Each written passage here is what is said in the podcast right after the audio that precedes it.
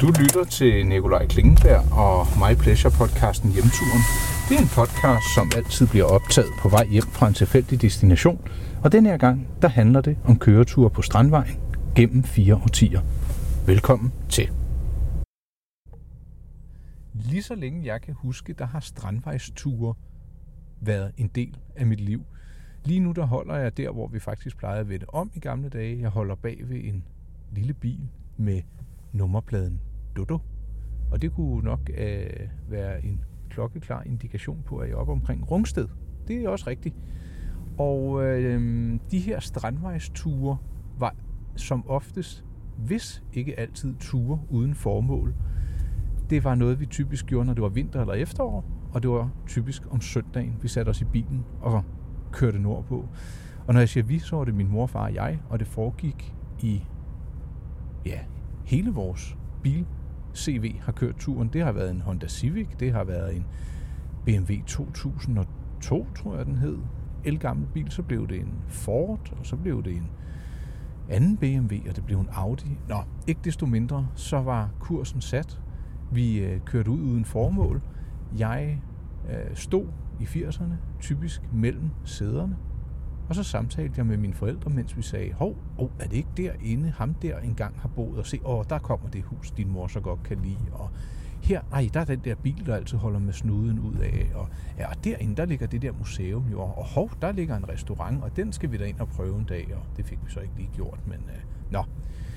Faktisk så er et af de første minder, som jeg ikke engang kan huske, men har fået fortalt, det var en strandvejstur, hvor øh, jeg boede med mine forældre i Rungsted.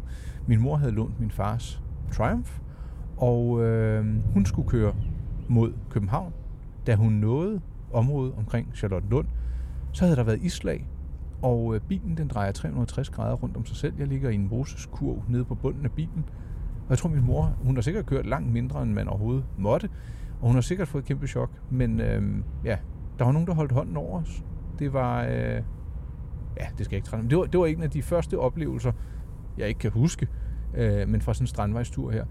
Efterhånden som øh, jeg blev ældre, så fik jeg jo pludselig selv et kørekort, og jeg fik lov til at låne min forældres bil.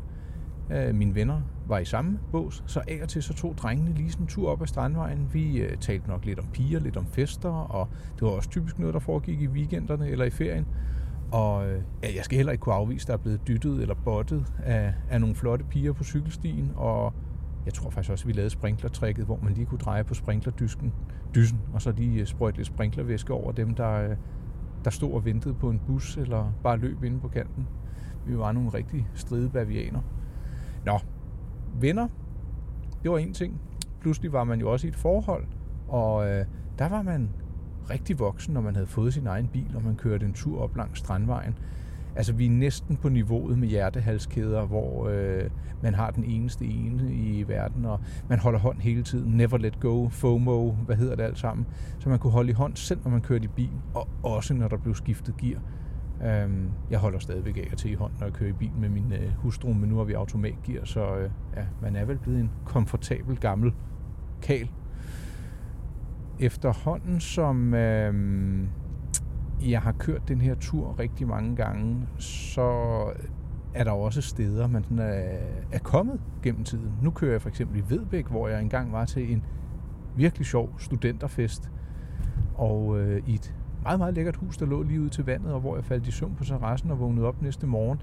Den fest, den tænker jeg på, hver gang jeg kører forbi heroppe i, øh, i Vedbæk. Og øh, ja, der er lige en hilsen til Elisabeth og hendes rare familie, der ikke blev vrede over, at jeg var faldet i søvn ude på deres terrasse. Måske også fordi, jeg, jeg sov ude og ikke inde. Det, kan, det er jo ikke noget, man bare sådan lige skal gøre, uden at have fået lov til den slags. Ture uden formål.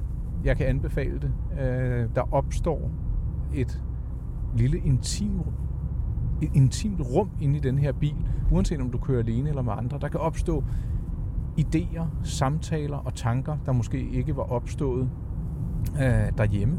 Så øh, en en fin lille øh, anbefaling herfra, det vil, øh, det vil være, at du øh, tager dig selv eller en god ven, veninde, kæreste, kone ud i bilen, kører en tur, bare kigger på det hele.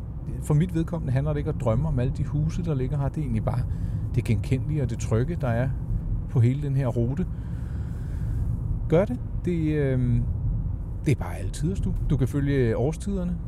Du kan se natur. Du kan se kultur. Du kan ja, blive inspireret og bare se noget andet end en, en, en, en, en, en, en, en røvsyg motorvej. Gør det. Under alle omstændigheder, så vil jeg gerne sige tak, for at du lyttede med til denne her udgave, øh, udgave af hjemturen. Det har været en fornøjelse at have dig med på turen. Og rigtig god fornøjelse, hvis du kører samme vej.